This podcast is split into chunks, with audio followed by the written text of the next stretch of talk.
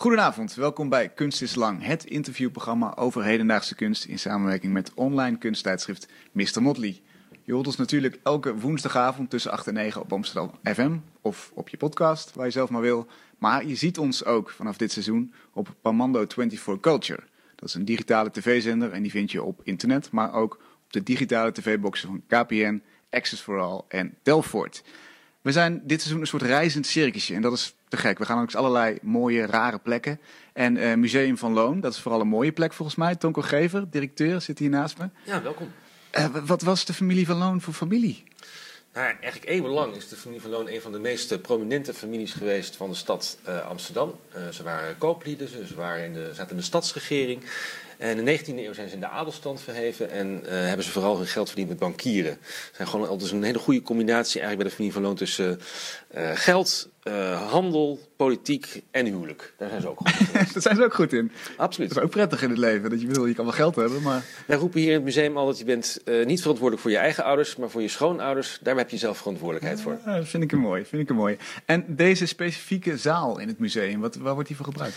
Dit was de vroegere uh, rookkamer of herenkamer. Hier kwamen de heren na het diner bij elkaar om te praten over zaken en sigaren te roken, zonder dat de dames daar last van hadden. En zoals je ziet, de kamer hangt helemaal vol met portretten. En die waren natuurlijk enerzijds bedoeld om te laten zien uh, de belangrijkheid van uh, de familie van Loon.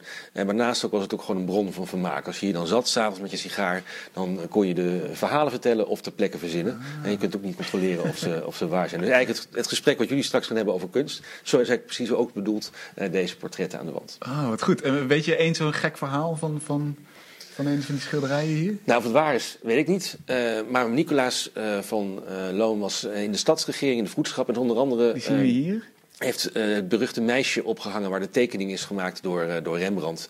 Dus hij heeft haar mede veroordeeld en daardoor is ze opgehangen op het Galgenveld in Amsterdam-Noord. Dus vriendelijke man, deze Nicolaas wow. van, van Loon. Hij ziet er ook, hij heeft een hele lange Lang, lang grijs haar. Als een rechter? Was het, het was een rechter dus? Nee, hij was in de, in de stadsregering, stadsregering, in voedschap. Nou, het leuke is ook wat je kijkt. Boven zie je hem ook hangen, als, als jongere uh, man. En dan heb je meteen het idee, ai, die haren die gaan niet worden. Die zijn zo nep als maar zijn kan. Ja. Als je op jonge leeftijd uh, het haar hebt wat je erboven ziet... en dan uh, op hoge leeftijd dit haar, nee, dat gaat hem echt niet worden. Het is waarschijnlijk gewoon een pruik of nep of fantasie door de schilder. Ja. Maar het is niet zijn eigen haar. Nee, en het is nogal een strenge, strenge Noorse man. Nou, dankjewel Tonke voor deze context. Ik wens jullie heel goed gesprek. Ja, we gaan uh, uh, doen alsof het een rookkamer is en we een dikke sigaar hebben. Uh, want mijn gast van vanavond, dat is Wouter Kleinvelderman. En je zou hem de PVC-man kunnen noemen. Hij maakt namelijk heel veel sculpturen van dik plastic. Je weet wel dat materiaal waar vrachtwagendoek van gemaakt is. de ene keer is dat een manshoog oorlogsvliegtuig, wat helemaal ingesnoerd is. De andere keer zijn het emblemen die gevechtspiloten op hun schouder hebben. Die verzint hij ter plekke, die maakt hij uit dat PVC. Maar zo'n doek kan ook een grote hoes zijn die ergens overheen gaat. Een oude oorlogsbunker bijvoorbeeld. Uh, of een doek in de vorm van een kerktoren die als een kleed over een boom schuift. Waardoor die boom ineens een kerktoren is geworden. Wat heeft hij met dat PVC-materiaal? Dat wil ik graag weten. Um, wil je alvast wat zien van Wouter? Ga dan naar mrmotley.nl. Wouter, welkom. Ja, dankjewel. Heel even een biografietje. Rietveld Academie gedaan, daarna Sandberg. Ja. Je geeft nu les aan de Rietveld. Uh, je was medeoprichter van, uh, dat weten de Amsterdammers, van de succesvolle tentoonstelling Beeldhal Werk. Mm -hmm. Heel veel grote sculpturen bij elkaar, heel spannend uh, in Amsterdam-Noord, in de grote hal. 2010. 2010 alweer, hè? Ja. En, en om de week organiseer jij een Socratisch gesprek. Daar gaan we het zo ook nog over hebben. Of in ieder geval, om de week, klopt dat? Om en nabij. Om en nabij, ja. om de week. Ja. Goed. nou, allereerst... We, ja, misschien moeten we eerst even, want ik zie dat dat dat beeld niet helemaal. Oh ja, we hebben namelijk in plaats van Tonko hebben wij uh, jou een PVC-beeld van jou neergezet. Als personage bijna. En die zit niet helemaal recht. Nee, nou ja, juist een beetje. Zo. Kijk, ze? Je, je, noemt haar ze? Ja, het, ja het, dat komt omdat het eigenlijk een model is voor een, uh, voor een wat groter beeld. Oké. Okay. En in dat model, daar zat een dame. Ah. Een, een danseres. En, uh, ja, die, die paste daarin. Dit is een half, half formaat. Leg meteen uit, wat, wat zien we? Ja, ja dit, dit is een, uh, eigenlijk een, uh, een studiemodel voor, voor, een, uh, voor een wat groter beeld. En die heb ik gemaakt voor een, een voorstelling die ik samen met Christina de Châtel heb geïnitieerd. Mm -hmm. Christina Châtel is de, de choreograaf die, die mensen misschien wel, wel kennen. Ja, En ehm, of nee, maar in ieder geval choreograaf. Ja? choreograaf. En ehm, wat we gedaan hebben is vijf dansers eh, gevraagd, eh, vijf stratenmakers gevraagd. eh, en daarmee een, een, een, voorstelling gemaakt. Die gaat over dans en over straten maken eigenlijk. En e- even omschrijven welk object hier nu naast ons zit op de stoel. Dat is bijna een soort van harmonica, zou je kunnen zeggen, van, Ja. van grijs PVC. Ja, ja als je ze, als je, als je, het zijn eigenlijk gestapelde tegels. Of in ieder geval zo, zo met die intentie heb ik ze gemaakt. Stoeptegels. Ja, van die 30 bij 30 eh, tegeltjes. Ja. Of, of 40 bij 40 zijn ze soms ook. En dan gestapeld zo. En dan, ja, dan, dan kan er iets mee gebeuren als je, ze, als je het materiaal verandert, zoals ik heb gedaan. Dan kan je daar iets, kan je daar een vorm aan geven. En wat mij interessant leek was om, om, eh, om daar dan ook echt een persoon in te doen. Zodat, zodat daar ook nog weer een beweging uit, uit voort kan komen. En die zat dus in een soort van koker van PVC-stoeptegels. Zo moeten we het eigenlijk, eigenlijk zien. Ja, ja, de uiteindelijke vormen. de- Kijk, dit, hier kan dus in het echt eigenlijk geen. eh, Lisa moest, daar, moest daarin. Eh, maar op deze manier kan ze natuurlijk niet. eh, ja, dat, ja, dat past niet, hè? Want die, die, die voet, eh, dat, dat gaat niet. Dus, deze is het niet geworden. Ja, oké, dit is, deze is afgevallen als prototype. Deze is afgevallen. Ja, duidelijk. ja, ja. Maar de titel is alsnog Lisa. Oké, nou dan noemen we haar ook gewoon, eh, ook gewoon Lisa bij deze. Waarom dat PVC? Want je, je hebt er heel veel werk mee. Wat, Ja. heb, wat heb jij met PVC? Ja. ja, ik ben bang dat dat geen keuze is eh, geweest. Dat is, eh, in eerste instantie was mijn interesse om, om groot, groot werk te maken. Ja. Aan het begin van, van, ja, toen ik van de, van, de, van de academie kwam. En toen kwam dit materiaal op mijn pad. En dat is blijven hangen. En eh, eigenlijk tegen mijn zin in. Eh, want ja, kijk, een schilder die gebruikt de verf, dat, Ja. dat, is, dat is geoorloofd. Ja. Maar ik dacht van ja, eh, om nou een kunstenaar te worden die PVC-kunstenaar wordt, wordt genoemd Ja. straks, dat, ja, dat zie ik toch niet helemaal zitten. Dat is Dus- mislukt, dat heb ik net gedaan. ja, dat heb je net Ja, gedaan. maar- ja, lekker is dat. hoe- hoe kan nou zo'n materiaal blijven hangen? Hoe werkt dat? ja. Eh, nou ja, ik, ik heb veel uitstapjes gemaakt eh, naar andere naar objecten, naar andere materialen en de grote houten beelden ook gemaakt. Maar telkens kwam dat materiaal weer terug en dat heeft te maken eigenlijk met, met, die, met, die, met een soort marge die erin zit, denk ik. Dus je kan hele, hele precieze beelden willen maken Mhm. als kunstenaar. Maar zo gauw je een heel precies beeld, hè, precies bedoel ik mee, een stoeptegel, zo. En dat kan je wel willen als kunstenaar, maar als je het van stof maakt, ja, dan wordt het toch echt wat anders. En dat trekt me heel erg aan. Dat eigenlijk de ander, in dit geval het materiaal zelf, hè, dat is dan de ander, Mhm. dat die gewoon zegt van ja, die hoeken, hè, dat is wel 90 zoals jij het hebt gemaakt, hè, 90 graden, maar zoals ik het ga doen, dat wordt het toch, dat wordt het toch niet. Het wordt wat anders. Ah, En dan moet ik het laten gaan. En dan, ja, dan wordt het dit. Dat vind ik interessant. dus die eigen wijsheid van het materiaal, eigenlijk dat terugduwen, zou je kunnen zeggen, dat Ja. zoek je juist op. Ja, En ehm, wat, wat kom je dan tegen? Ik bedoel, dan, heb je, dan, ja, dan wordt er dus teruggeduwd. Maar dan kun je nog steeds zeggen, daar ben ik het mee eens of ben ik het niet mee eens. Of, of, of je kan gaan ingrijpen of niet. ja. Wat, wa- waarom is dat zo interessant, dat er teruggeduwd wordt? Nou, omdat je dan niet. ehm, kijk, als, als kunstenaar heb je gewoon. In je atelier heb je dan te maken met, met jezelf hè, en, en je ego. Zo. En, Ja. dat, en, dat, en dan die ruimte. En dat, ja, dat, dat is het dan. En dan krijg je geen eh, weerwoord, als Ja. het goed is. En als je iets anders of iemand anders in je atelier haalt, dus bijvoorbeeld een object. Ik heb ook met objecten gewerkt. eh, een object als partner. Zoals een... Een, eh, ik heb wel eens met een dennenboom gewerkt. En dan, ja, dan is die ander, die heeft dan ook gewoon een, een wil. Of dat andere. En die, en die wil, ja, daar moet je echt wat mee. Want anders, ja, anders, je kan niet je eigen ego alleen maar laten gelden. Maar de, maar de wil van een dennenboom? Ja. Hoe, hoe eh, werkt dat? Nou, een dennenboom, die, ja, die vind je. Hè, die kom je dan tegen in het bos. En dan, eh, ja, sowieso selecteer je hem wel zelf. Dus dat is dan je eigen, je eigen wil hè, als kunstenaar. Ja. Maar nadat je hem geselecteerd hebt, dan is die dennenboom gewoon een dennenboom. Hè, dus dat is, als, als je die als partner kiest, ja, die gaat niet heel vriendelijk zijn naar je. Dus Ja, het enige ja. wat je kan doen is dan eh, ja, de, volgende, de volgende zet doen. Dus dan, in mijn geval heb ik een, eh, een, een hoes gemaakt, zoals je net al vertelde. En die hoes die heb ik, die is egaal grijs, net zoals eh, Lisa. En eh, die egaal grijze hoes die heb ik wel, zeg maar, ehm, in stukjes geknipt en samengevoegd. Dus een, een steen zoals een kerktoren is, op, op, uh, zoals een kerktoren is opgebouwd uit steentjes. Mhm, mhm. Zo heb ik ieder steentje geknipt en daarna weer aan elkaar genaaid. En daardoor is het ook eigenlijk een hoes geworden die een kerktoren representeert. Mhm.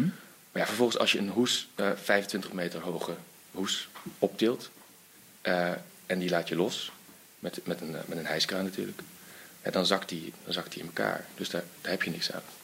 Dus als je vervolgens eh, je partner erbij haalt, de boom, en je haalt hem over die boom heen, ja, dan heb je, heb je gewoon een, eh, dan heb je een, een samenwerkingsverband Ja. aangegaan. Maar die boom die gaat, niet, die gaat niet meegeven, die gaat gewoon de vorm die die heeft, die gaat die aanhouden. En dan, eh, eh, als antwoord op je vraag, ja, die boom, die, die partner, wat hij doet, dat moet je toch gewoon accepteren. Dus daar is het toch echt klaar. Voor mij is daar, daar is geen moment meer voor mij van dat ik denk van, nou, er moet nog een tak af. Ja. Of er moet nog een, eh, ja, er moet nog iets bij, of er moet nog iets, iets naar links of iets naar rechts. Dat, dat zit er niet in. Dus. En, en is dan ook het uiteindelijke werk, zou je dat zo ver kunnen doortrekken dat je zegt dat is gemaakt door Wouter Klein-Velderman en, en de boom? Eh, oh, dat vind ik een hele mooie vraag, ja. Ja, Want het is, het Ja. is bijna een, een, een gelijke. ja. Dat, zou, dat zou eigenlijk wel zo moeten zijn, ja. ja. Ja, dat zou zeker zo moeten zijn. Dat vind ik een mooi idee, ja. Nou, wellicht, wellicht voor later. Ehm, jouw werk is vaak ook een hoes of een omhulsel, zoals je net al zei. Die kerktoren die gaat over die boom heen. Ehm, maar bijvoorbeeld ook eh, vliegtuigjes. Vliegtuigjes zeg ik, maar ze zijn manshoog, hè, over een geraamte heen gespannen. Een oorlogsbunker die een soort van gestreepte hoes krijgt, waardoor die ineens uit het landschap knalt. Terwijl dat nou juist niet zijn functie was natuurlijk. Hè. Hij moest ver- verborgen liggen. Ja. Wat, eh, waarom waarom eh, is het zo vaak een omhulsel? Ja, het eh, heeft ermee te maken dat ik. kijk, op een gegeven moment heb, heb ik besloten dat ik, dat ik niet meer alleen wil werken. Ja. Dus ik, wil, ik heb altijd een, een partner nodig in mijn, in mijn werk.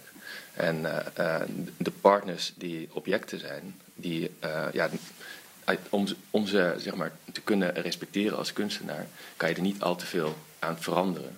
Wat je wel kan doen is, als, als ik met mijn materiaal daar een ingreep in doe, dan kan, ik dat, kan ik het bedekken.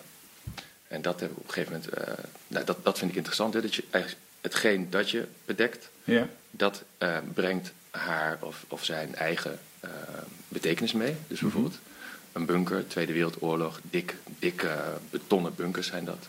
Met van die stalen pinnen die eruit komen. En die, eh, dat zijn eigenlijk een soort ready-mades, hè, die, je, die, je, die je vindt en die je selecteert. En die je vervolgens eh, ja, eh, bedekt. En dan de bedekking is mijn, mijn stap. Mijn volgende stap. En interessant is daarbij, want je kunt natuurlijk ook een, een, een gigantische bol eroverheen zetten, maar dan, dan herken je die hele bunker niet meer. Dus Ja. jij vindt het belangrijk dat, dat altijd, Ja. er moet iets overheen, maar het moet wel het gestalte blijven Ja. het was. Ja, dat is, dat is het beeldhouwelement, denk ik. Want mensen vragen, dus jij zegt, nou, je kan, wel ook, je kan ook gewoon een, een bol overheen plaatsen, zeg je. Maar ja, dan, heb je, dan negeer je eigenlijk de vorm van, van die bunker. Mhm. Ehm, je kan ook, wat veel mensen zeggen, is je kan ook gewoon dat materiaal eh, wat ik gebruik, kan je ook gewoon opblazen. En eh, dan, eh, dan heb je van die blow-ups, jaren zeventig, hebben veel kunstenaars dat gedaan. Paul McCarthy, die heeft ook nog eh, vrij recent dat soort objecten gemaakt.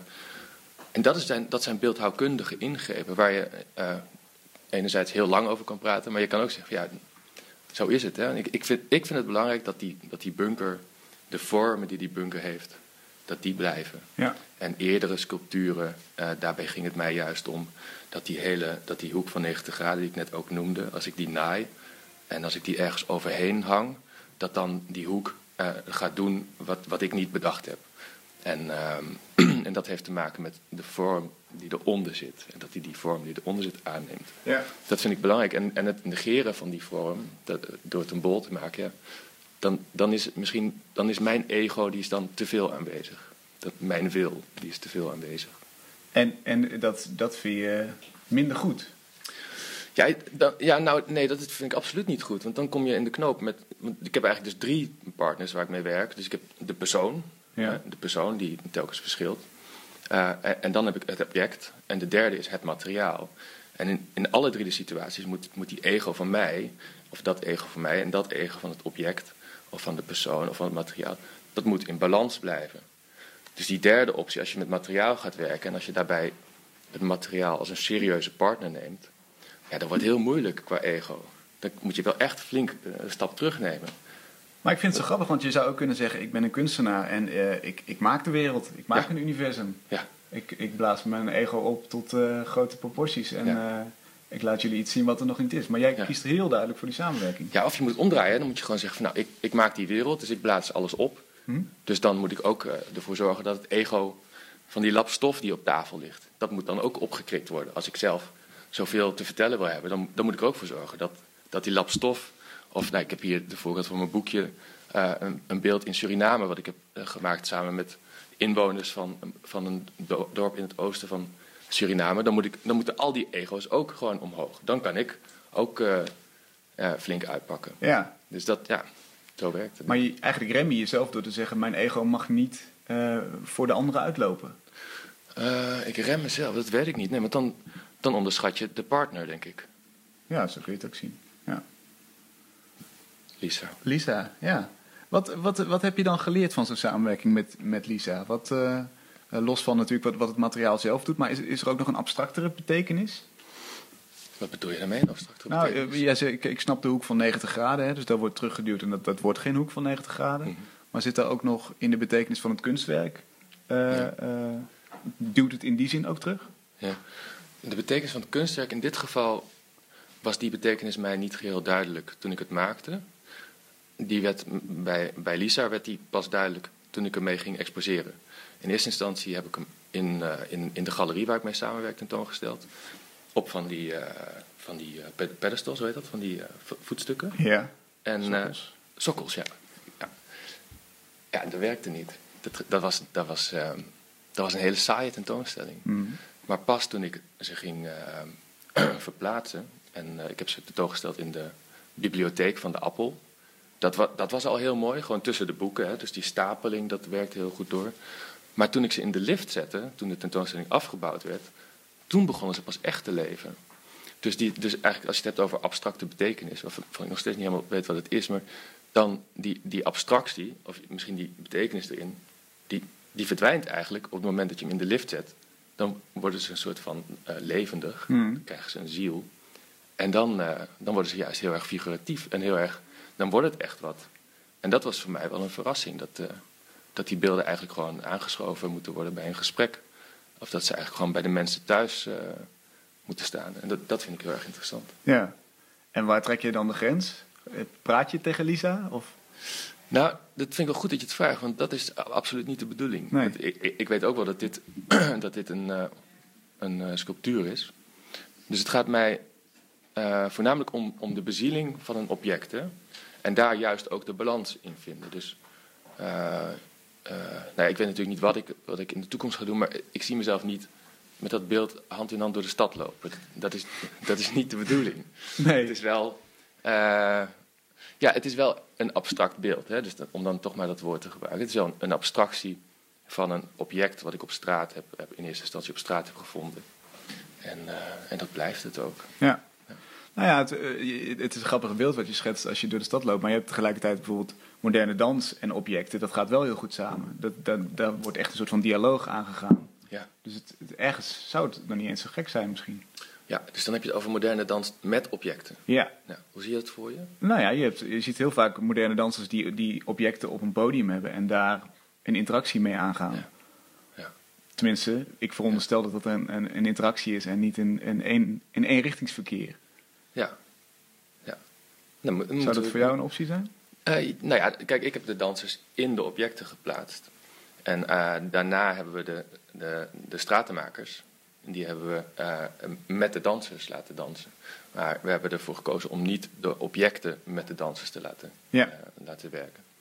Dus dat, dat hebben wij niet gedaan toen. Maar eh, ja, ik kan me voorstellen dat het goed, heel goed werkt. Ik heb wel een mooie voorstelling. Christina heeft mij wel goed aan de hand genomen om mij wijs te maken in de danswereld.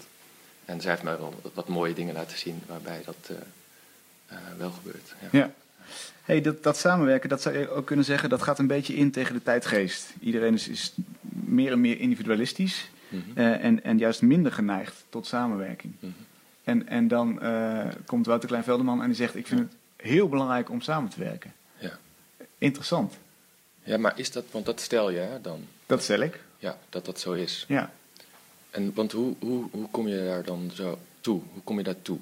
Nou, ik heb Of het moeten idee we die dat... stelling gewoon aannemen? Nee, nee, hoeft niet. Nee, dat, dat kunnen we zeker bevragen. Maar ik heb, ik heb het idee dat mensen steeds meer eh, hun eigen geluk belangrijk vinden, bijvoorbeeld. Eh, Ja. eh, meer naar hun eigen. eh, ja, als je, als je niet je eigen gang kan gaan, is het al heel snel minder. Ja. En iets van iemand aannemen is moeilijker, heb Ja. ik het idee. En begrip voor iemand hebben en, en meegaan in iemand anders wil. Ik heb het idee Ja. dat dat steeds lastiger wordt. Ja, dus de, de individualisering van, van de maatschappij eigenlijk. Ja. Hè? Dus dan heb, je, dan heb je het dan over, over de mensen die, die we zo meteen tegenkomen als we de straat op gaan. Of heb je het dan over de kunstenaars? Misschien Of wel over het iedereen. Het hele, de hele, het hele spectrum. Misschien wel over iedereen. Ik bedoel, je zit op Facebook in je, in je eigen bubbeltje. Eh, Ja. Heel veel techniek is, is afgesteld op jouw individuele wens. Ja. Eh, Ik vind het een moeilijke stelling, want ik bedoel, vind, vind je het zelf dat het zo is? Ja, Ja? Maar jij niet.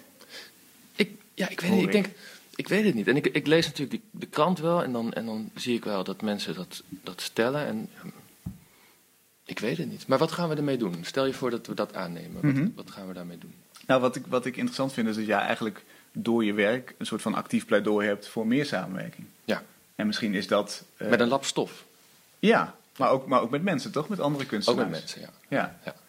Dus, dus ik kan me voorstellen dat jij eh, dat samenwerken eh, vruchtbaar vindt. En dat, Ja. dat dat de weg naar voren is. In plaats van meer Ja. in je eigen gelijk en in je eigen voorkeur. Ja.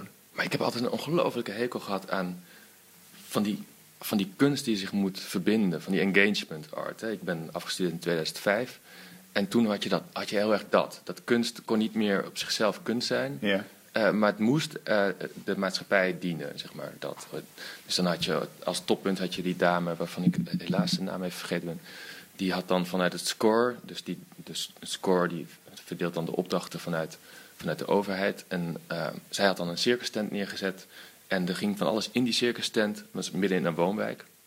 En er ging ook van alles weer uit. Maar de bewoners werden niet uitgenodigd. En op een gegeven moment ging er een olifant naar binnen en er ging weer een olifant uit. En allemaal gekke dingen. En de mensen dachten van nou, nu, nu gaat het gebeuren. En toen ging die circus tent weg en toen was het voorbij.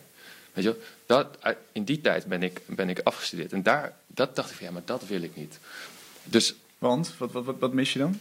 nou, mm, ik mis niet zozeer iets, maar ik denk niet dat beeldende kunst een oplossing is voor, eh, voor maatschappelijke problemen. Ik denk wel dat het heel goed is dat eh, beeldende kunst eh, tussen die maatschappelijke problemen wordt gezet. Mhm. Maar ik denk niet dat het eh, het een het ander gaat oplossen. De maatschappij wordt niet opgelost door de beeldende kunst. En de beeldende kunst gaat ook niks oplossen voor die maatschappij, denk ik. Maar het is er wel en het moet er absoluut zijn. Da- daar is een hele grote noodzaak. Maar het is geen magisch middel of zo.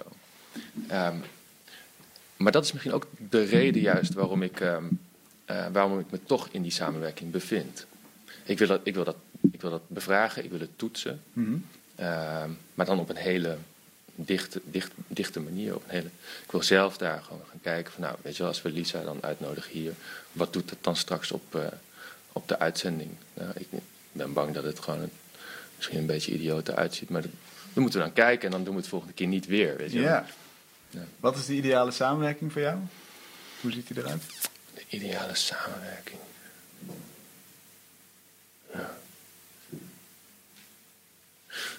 Vind ik een moeilijke vraag. Ik ben nu eh, net begonnen met eh, een echte samenwerking met het materiaal. En dat is.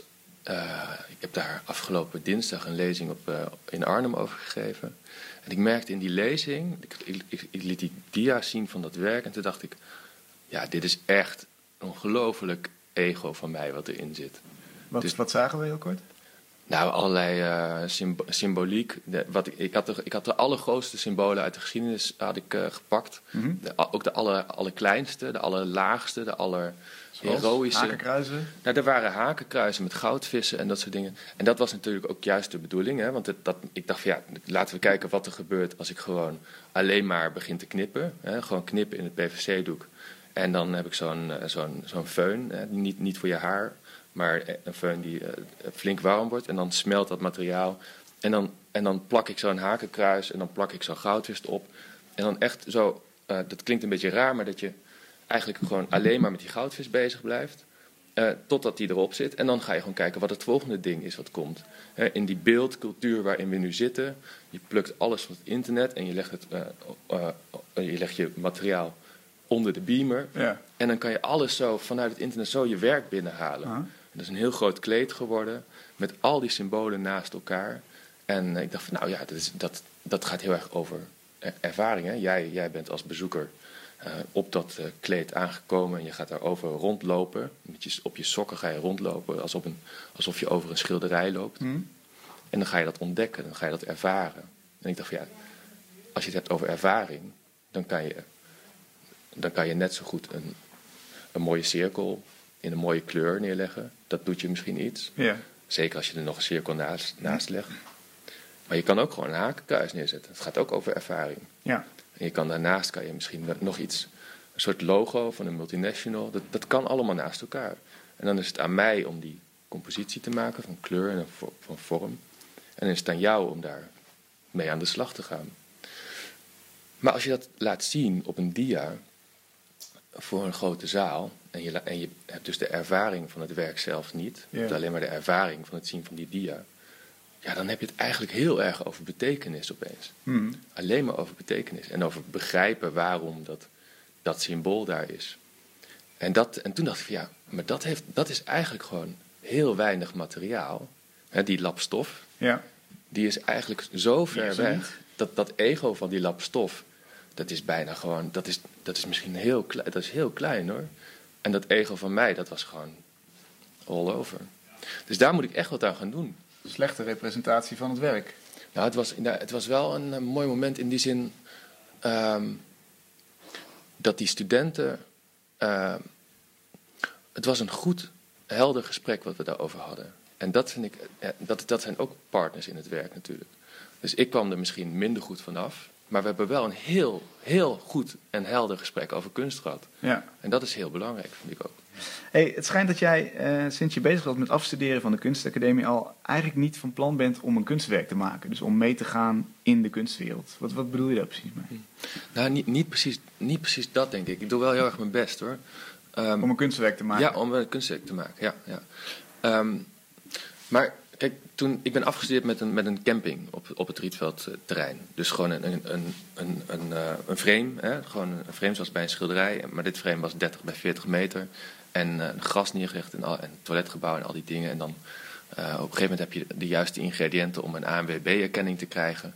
En met die ANWB-erkenning krijg je ook, kan je adverteren en dan krijg je klanten. Nou, als je daarmee afstudeert, dan, ehm, eh, ja, dan wil daarna geen enkele galerie je hebben. Want 30 bij 40 is, is gewoon een beetje too much. Ja, dat kun je niet verkopen. Dus, ja, dus dat werk heeft eigenlijk mijn carrière al gekost. En ieder werk daarna, dat- ik dacht, ja, op een gegeven moment dacht ik, ja, eh, ieder werk daarna mag ook gewoon mijn carrière kosten. Want de, die carrière is er toch niet. En als je dat, als je dat ja, zoals kort door de bocht, ik, ik zie je kijken. Best wel, ja, Ik zie je maar- kijken. Maar zo gauw je dat in ieder geval zo die gedachte onderhoudt, Ja. ja, dan heb je toch echt een hele hoop vrijheid. En dat, en dat tro- trok me heel erg aan. En ik, ik denk dat ik het nog steeds wel een beetje doe. Dat, weet je wel, ieder werk, dan denk ik, ja, ga ik nou voor het veilige of ga ik nou echt... Weet je wel, je gaat, zo'n boom waar we het net over hadden, Mhm. dat kan zo goed misgaan. Hè, dat kan op heel veel manieren gewoon helemaal niet werken. Maar ik dacht van, ja, maar die carrière, die is er toch niet.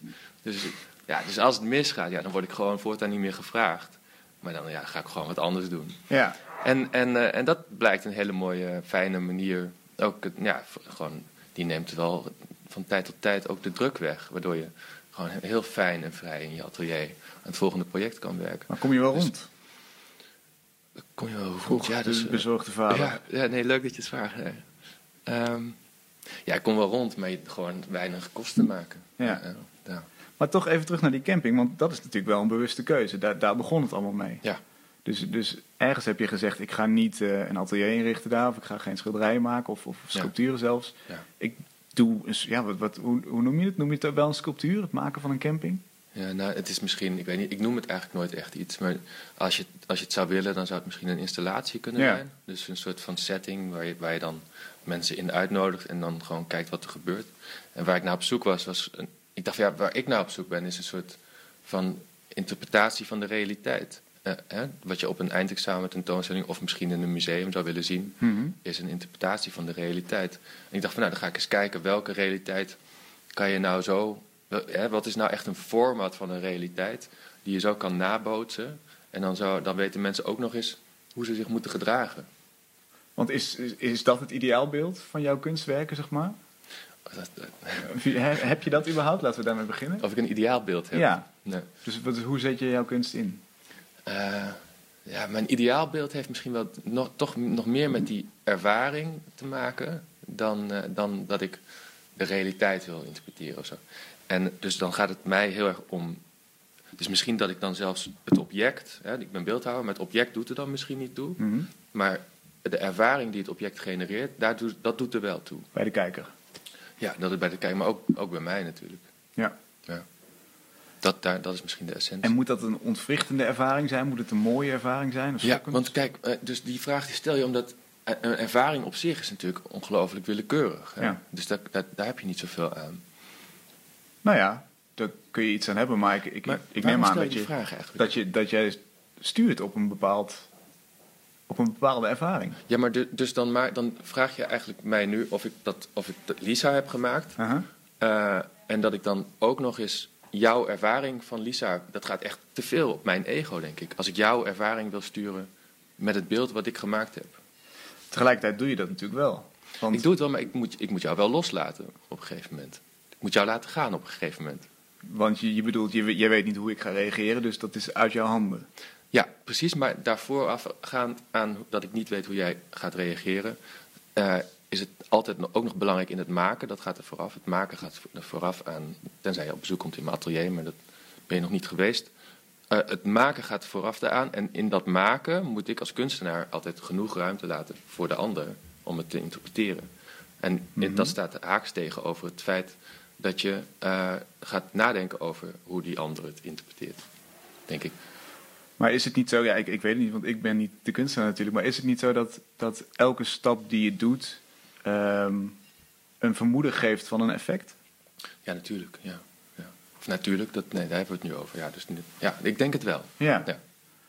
En, en, en wat is dan, is er dan sprake van bijvoorbeeld bij Lisa van een, van een gewenst effect? Of is, zeg jij inderdaad, dat laat ik gewoon helemaal los? Een, een gewenst effect bij, bij jou, wat, ik teweeg, wat het beeld teweeg brengt bij jou als, erva- als, als kijker. Mhm.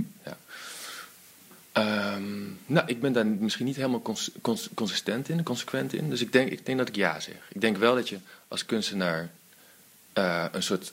Je kan natuurlijk wel een soort. Je kan nadenken over wat het met, met de kijker gaat doen. Dus dat wel. Ja. Maar het is een illusie om te denken dat je die ervaring helemaal kan sturen. Dus daar zit een soort eh, ambivalentie in, denk Ja. ik. Ja. Nou, je zou het kunnen vergelijken met het werk van een, van een filmregisseur bijvoorbeeld. Die op, op bepaalde momenten eh, emoties op wil roepen door, door samenvoeging van beeld en geluid. ja. En ik kan me voorstellen dat, dat, dat als je met beeld werkt, dat dat ook jouw ambacht is. Ja. Hoe sta je daar tegenover? Ja. Ehm, ja, wat je, wat je ook ziet, hè, is dat wij nu. dat ik er nog steeds bij ben. Dat is denk ik ook belangrijk. Dus, dus het beeld is er en ik ben er ook nu. Mhm. En dat kan niet altijd. Maar ja, doordat ik gewoon heel vaak mijn carrièrekansen gemist heb, ben ik het toch. Ja, ben ik niet. Ik zit niet in New York en ook niet in Krasnojarsk. Ik zit vandaag weer hier met Lisa. We, moeten het weer samen doen. Je vindt, dit, vind je jammer, dit is, dat, dat dit Nee, ik- carrière is. Nee. Dat je hier moet aanschouwen. Nee, ik vind Mr. Motley echt te gek. Oké. Maar eh, weet je wel, dit, dit is het, dus ik kan er voorlopig gewoon. We kunnen het gewoon nog samen doen. Ja, oké. Hè? ja. en, die, en dat gesprek wat wij nu hebben, dat, dat, ik denk dat dat ook onderdeel is van, van, nou ja, van mijn carrière. Dat heeft nu geen zin meer, want die mis ik de hele tijd. Maar dat is wel deel van mijn kunstenaarspraktijk. Mhm. Dus dat is belangrijk. Ook het lesgeven. Ook, ik doe ook Socratische gesprekken, zoals je in de intro hebt gezegd. Dat is allemaal onderdeel van, van, het, van het maakproces eigenlijk. Hè? Dus het gaat heel erg over het bouwen van dingen. En ik denk dat het gesprek wat, mij, wat wij nu maken samen, daarom geef ik ook soms een beetje wat ruime antwoorden, om, om, hè, omdat we ook iets aan het bouwen zijn samen. Dus er is een waarheid, maar die, ik vind het best prima om samen die waarheid een beetje te tarten. En om daar gewoon eens in te kijken wat er allemaal nog meer mogelijk is. Dat vind ik het een wezenlijk onderdeel van mijn eh, praktijk, van mijn beroeps, Ja. van mijn kunstenaarschap. Dus, dus het bouwen van, van eh, structuren zit hem in wat we hier zien in PVC, maar zit hem ook in gesprekken en dialogen met andere mensen. Ja, dus ook het lesgeven, daarom noem ik ook die lezing. Hè. Ik, ja, of, of ik er nou goed van afkom of niet, dat is gewoon gebeurd. En dat is, dat is heel belangrijk. Dat er gewoon eh, rake klappen zijn uitgedeeld, Ja. eh, verbale klappen. Dat vind, ik, ja, dat vind ik belangrijk.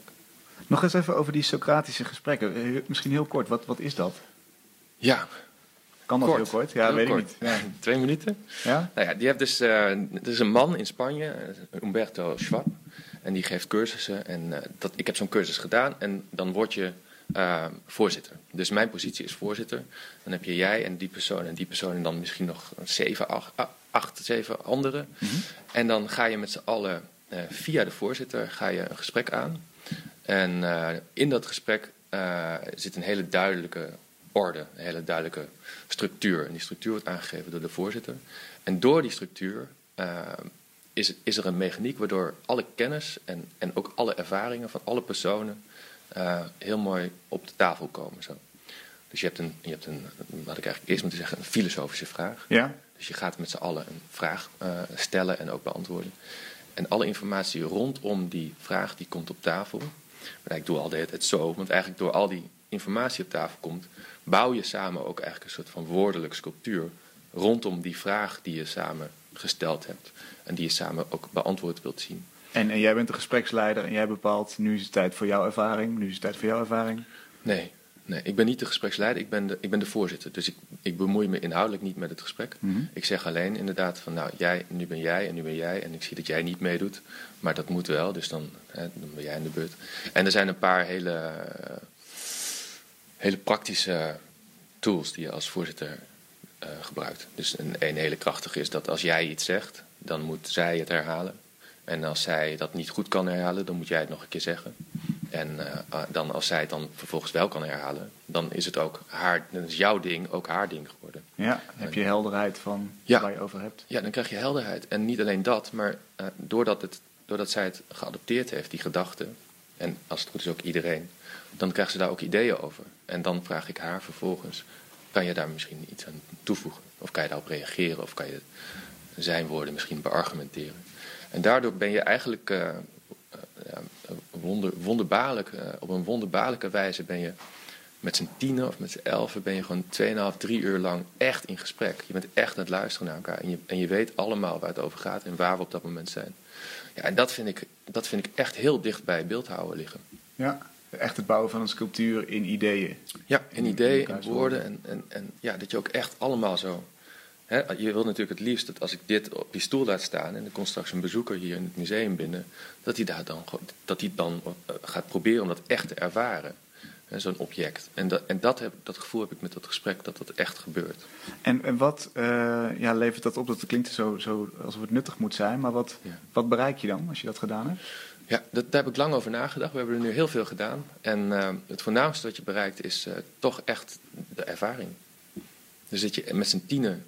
Eh, hoe, hoe, hoe lang is het geleden dat je met, met tien personen drie uur lang eh, een heel goed gesprek hebt gehad? Waarbij je met z'n allen echt heel erg snapt waar het over gaat. En ook nog eens heel erg goed luistert. En misschien is dat wel nog nooit gebeurd. Nee, nou, dat, is, toch te gek om ja, een keer een. Socratische maagd, Ja. denk ik. Ja. En dat is dus een mooie ervaring. Ja, ik vind het heel interessant. Ja. Ja, nou ja, niet interessant dus, maar gewoon eh, heel fijn. Ja. Ja. En leer je dan ook iets over jezelf als je dat, als je dat aan het doen bent? Ik kan me ook voorstellen dat je denkt, jezus, wat luister ik normaal gesproken slecht of zo. En nu heel goed Ja. in deze drie uur. Ja, nou je leert wel eh, eh, eh, orde aan te brengen in het gesprek van de ander. Dus als je iets verteld wordt, hè, heel vaak zijn dingen niet zo interessant die verteld worden. Maar je Hmm. leert wel van, nou oké, maar volgens mij wil je dat zeggen. Dus laten we daarop doorgaan. En, Ja. ja, dat klinkt dan weer heel erg... Alsof, Klinkt heel efficiënt, Het gaat maar dan weer meer over mijn ego, denk ik. Maar dat is, het is juist de bedoeling dat je echt naar elkaar luistert. Ook als je met z'n tweeën bent. In plaats van dat je even iets neergooit en dan gooit die ander weer iets neer. En dan ja, en dit en dan weer dat. En e- eigenlijk, hè, die, die gesprekken ken je wel. Dat je Ja. eigenlijk niet zo goed naar elkaar luistert. ja. Nou, ja. Dus eigenlijk als je, als je dit, eh, dit bouwen van woordelijke sculpturen en ideeën naast jouw eh materiaal sculptuur zet, dan, gaat het, dan is de rode draad de ervaring volgens mij. ja, die ervaring, ja, daar gaat het om. Ja. Wat, wat zijn dingen waar je mee bezig bent? Wat is, wat is de, de ultieme ervaring, zeg maar? Waar moet je nog komen? Nou ja, die ervaring, die hebt natuurlijk... ehm, ja, daar heb je eh, gradaties in. Hè. Je- als je naar de kermis gaat, dan... hè, hier op de Dam heb je dat reuzenrad eh, elk jaar. En dan word je, ga je omhoog. En dan zie je de hele stad en je hebt al die muziek. En, en dat, je hebt ook zo'n ding met zo'n arm wat dan langs je heen zwiept zo. Ja. En dat is ook een ervaring. Maar dat, dat is een wat vluchtige ervaring, denk ik. Die, die ik niet, hè, die is ook nodig. Ik rij zelf ook motor als, ja, als een idioot. Dat vind ik ook een ervaring. Ehm, maar het gaat mij nou juist om die subtiele ervaring. Dus ik heb datzelfde reuzenrad, uh, maar dan uh, iets, iets lager. Ben ik nu uh, aan het kijken of, of ik dat kan laten maken door een metaalboer. maar dan met gesloten gondels. Dus acht gesloten gondels, 12 meter hoog. En dan kan je in die gondel plaatsnemen, maar, maar, maar je moet horizontaal. dus je kan alleen maar liggen okay. in een gesloten gondel. En die, dat reuzenrad gaat niet zoals op de Dam drie minuten en dan moet je er weer uit. Dat reuzenrad dat gaat twintig minuten doordraaien. En dat is precies genoeg voor een powernap.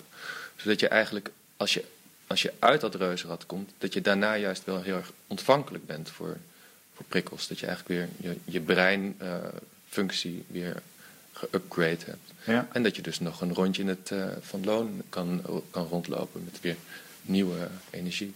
Te gek. Dus dat. Dat wordt een mooie ervaring volgens mij. Laat Ja, het me weten het. als die er is. Het is sowieso weer onverkoopbaar. Dat kunnen we concluderen, toch? Ja, het Dus gaat mijn carrière weer voor je carrière is het helemaal niks. ik vond het een leuk gesprek, dankjewel. Ik ook, dank je. Ja, en eh na water is het weer tijd voor een kunstenaarsvideo. Kunstenaars maken natuurlijk ook muziek. En eh, dit keer Echo en Seashell met het nummer Coldplay.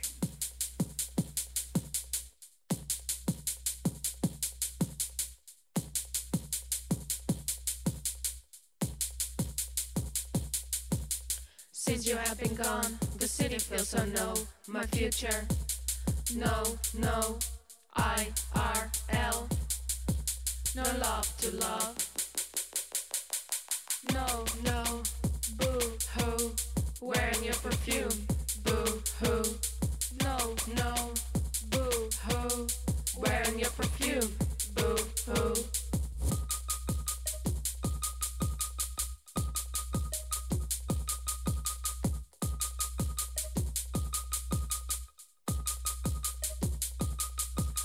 No grave for the young, Grady and Doom.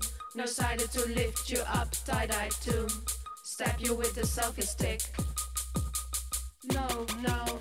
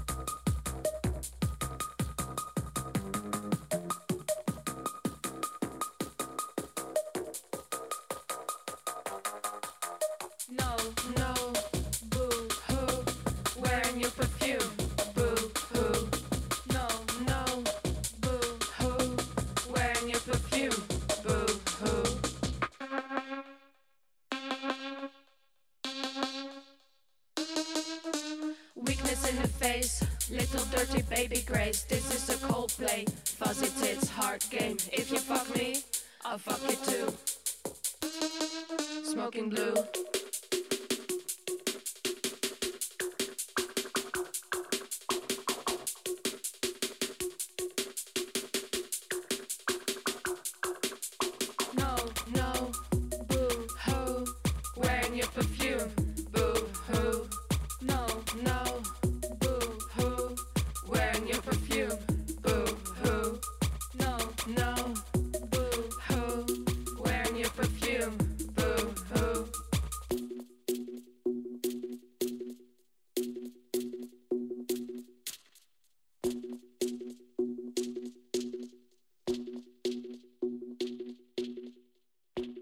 Echo en Seashell met Coldplay. Je luistert naar Kunst is Lang. In samenwerking met Mr. Motley en Voor de Kunst is ook partner het crowdfund-platform voor de creatieve sector. Elke week schuift er een project aan en deze keer is dat grafisch ontwerper Anne Koning. Zij eh, brak op jonge leeftijd haar ruggenwervels, moest naar het ziekenhuis natuurlijk, kreeg een diagnose van de dokter en die zei eigenlijk, het valt wel mee en het valt ook mee met de klachten die je daarna hebt. Haar vader ging daarin mee, maar zij zelf zag het heel anders. En over dat verschil in perceptie en waarheid, daar gaat ze een documentaire over maken. Anne, welkom. Dankjewel. Leg even kort uit wat jouw project behelst. Uh, ik ben onderzoek aan het doen wat het verschil is tussen perceptie en waarheid. En daarin duik ik in mijn geschiedenis, in mijn eigen geschiedenis. En daar heb ik ontdekt dat mijn vader dus een hele grote rol speelt in perceptie en waarheid en hoe ik dat zie. Want heel kort inderdaad, je, je had last van je rug, gebroken ruggenwervel geloof ik hè? Ja, daar heb ik toen nog twee dagen mee gelopen met een gebroken ruggenwervel. En toen naar het ziekenhuis geweest en toen nou ja, kwamen ze achter dat het gebroken was, in het gips gezeten. En de klachten begonnen eigenlijk daarna pas. En ehm, die houden zelfs tot nu nog aan. Ja, en, en jouw vader zei het gaat wel over of neem een aspirintje? Nou, niet in, in, in die zin, maar ehm, het traject was heel lang. Dus ik heb gerevalideerd, maar de pijn bleef. En dat vonden ze raar. Ze konden gewoon niet de oorzaak vinden van waarom die klachten bleven. Ehm, en uiteindelijk heeft één arts heel duidelijk gezegd van... dit zit in je hoofd, dit verzin je en dit is niet, niet oh waar. En het wordt tijd om dat even te vergeten. En op dat moment heeft mijn vader gezegd, oké, laten we het vergeten. En voor mij is dat een heel groot deel en onderdeel van mijn jeugd. En ik denk dat ik dat probeer te zoeken, van hoe groot is dat geweest? En in hoeverre heeft mijn vader het zo bedoeld? Of hoe heb ik dat als kind gehoord? En in hoeverre is dat waar? En hoe, hoe gaat dat vorm krijgen in die documentaire? Je ziet eigenlijk ehm, heel duidelijk de band tussen mij en mijn vader. En ik denk dat we samen op zoek gaan naar ehm, ja, perceptie en waarheid. En waar ligt dat? En ehm, ja, ik denk dat iedereen zich kan relateren aan, je hebt een visie op, op het verleden. En ik denk bij, bij iedereen is dat niet per se de waarheid. En ik denk dat wij samen daar onderzoek naar gaan doen. Dat je dat te zien krijgt. Die band tussen mij en mijn vader, hoe dat zich heeft ontwikkeld, hoe dat nu is en hoe wij samen daarop kunnen terugkijken. En dat gaat best heftig worden misschien. Misschien wel. Ik denk wel dat het uh, ja, een intrigerende documentaire wordt. Um, maar het gaat ook wel om het grotere verhaal. Dus niet, je ziet, ik gebruik mijn persoonlijke verhaal om een verhaal te vertellen. Ja, oké, duidelijk. Dat kost natuurlijk geld, zo'n film. Wat, waar, waar, heb je het voor nodig? Ik ga naar Canada. Ik ga het filmen in Canada, want mijn vader is daar geboren. En waarom ik het in Canada doe, is omdat uh, mijn vader is daar geboren. Uh, hij was zes weken oud toen hij weer terug ging naar Nederland. Um, en ik weet niks van mijn vaders jeugd. Mm -hmm. En ik heb ontdekt dat veel dochters weinig weten van hun, het verleden van hun vaders of moeders. Dus dat is een extra lijntje in ja. de documentaire. Ja, zeker. En ik denk dat ik dat nodig heb. Ik denk dat ik antwoorden daar ga vinden uh, met mijn vader. Omdat ja, hij komt daar vandaan en um, ja, ik denk dat hij daar iets, zich iets meer bloot zal stellen dan hier. En, ja. ja. Hey, en uh, je hebt het over perceptie en waarheid. Hoe verschilde dan jouw perceptie, denk je, van van de waarheid, van wat je echt hebt meegemaakt? Ik heb onderzoek gedaan naar um, het, het, ziekenhuis en het verleden. En daarvoor heb ik mijn medisch dossier helemaal teruggevraagd. En hoe ik mijn percepties zie, is dat mijn hele verleden bestaat uit artsen die tegen mij zeiden dat ik me niet zo moest aanstellen. En dat dat me heeft gevormd tot de persoon die ik nu ben.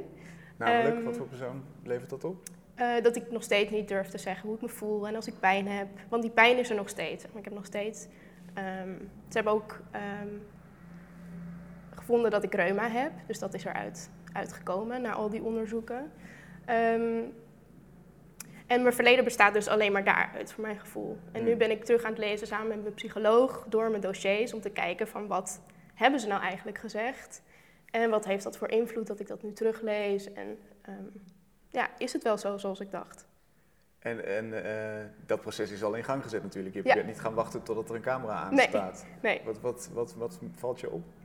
Ehm, dat het sowieso allemaal meevalt. Ehm, dat ik door dit pro- proces eh, ook al delen heb ehm, losgelaten. Mhm. Ehm, en dat het, mijn perceptie dus niet zo is als de waarheid. Ja. En eh, hoe vindt je vader dit, om dit te doen? Ehm, ik, aan de ene kant vindt hij het heel erg leuk en steunt hij me ook heel erg erin. Maar ik denk ook dat hij het heel moeilijk vindt. Ik denk dat hij ook eh, het heel lastig vindt om over zijn verleden te praten. Net zoals dat ik het vervelend vind om over mijn verleden te praten. Ja. En dat is ook ehm, een van de redenen dat ik mijn vader heb gekozen. Omdat we samen, denk ik, op zoek moeten gaan naar dat loslaten en zien wat er nou echt is gebeurd. Ja. Het, gaat het ook nog over, over zijn rol erin in de zin eh, dat hij natuurlijk niet in jouw hoofd kan kijken wat er, wat er met een, een puberdochter in dit geval denk ik gebeurt. Ja, ja zeker. Dat speelt, ik denk dat dat het ook is. Dat ik zag, ehm, zag mezelf als kind en ik reageerde ook als kind vroeger. Nu kan ik als volwassene daarop terugkijken, maar hij zal daar ook ehm, ja, op dat moment anders hebben gereageerd dan dat hij nu zou doen. Of, ehm, ja. Wat, wat wordt het voor, voor soort film? Ben je, ben je ergens, heb je, ben, je, ben je boos? Moet je nog afrekenen met je verleden? Of wordt het meer een, een bespiegelende, filosoferende eh, film? ja, zeker dat tweede. Dat laatste, ja, ja, oké. ja. En het wordt ook geen standaard eh, documentaire, want ik ben grafisch vormgever. Ja. En ehm, dat betekent dus dat je als vormgever een film maakt. Dus niet, ik sta er niet als in als filmmaker. En wat is dan de vormgever touch? Wat gaan, wat gaan we anders zien dan normale documentaires? Dat het, het gaat vooral om het concept en het, het idee van achter mijn film. En dat probeer ik in elk beeld vorm te geven. Maar het gaat niet per se om de shot of... eh, maar Hoe- alles om zo, zo Hoe goed je dat mogelijk... In elk, elk shot? Dat lijkt me moeilijk. Ja, ja, dat wordt ook moeilijk.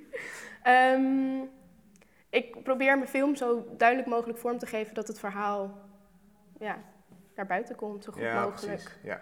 Maar ik kan me ook voorstellen dat je er extra eh, visuals in maakt. Ja, of- of- ja.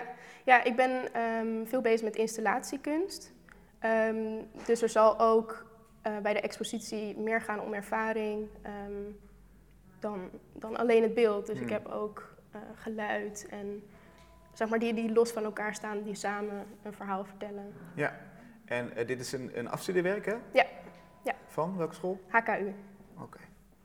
Nou, succes. Dankjewel. Ik hoop dat je veel binnenhaalt. Eh, Ja. heb je, noem nog even de pagina waar mensen je kunnen vinden.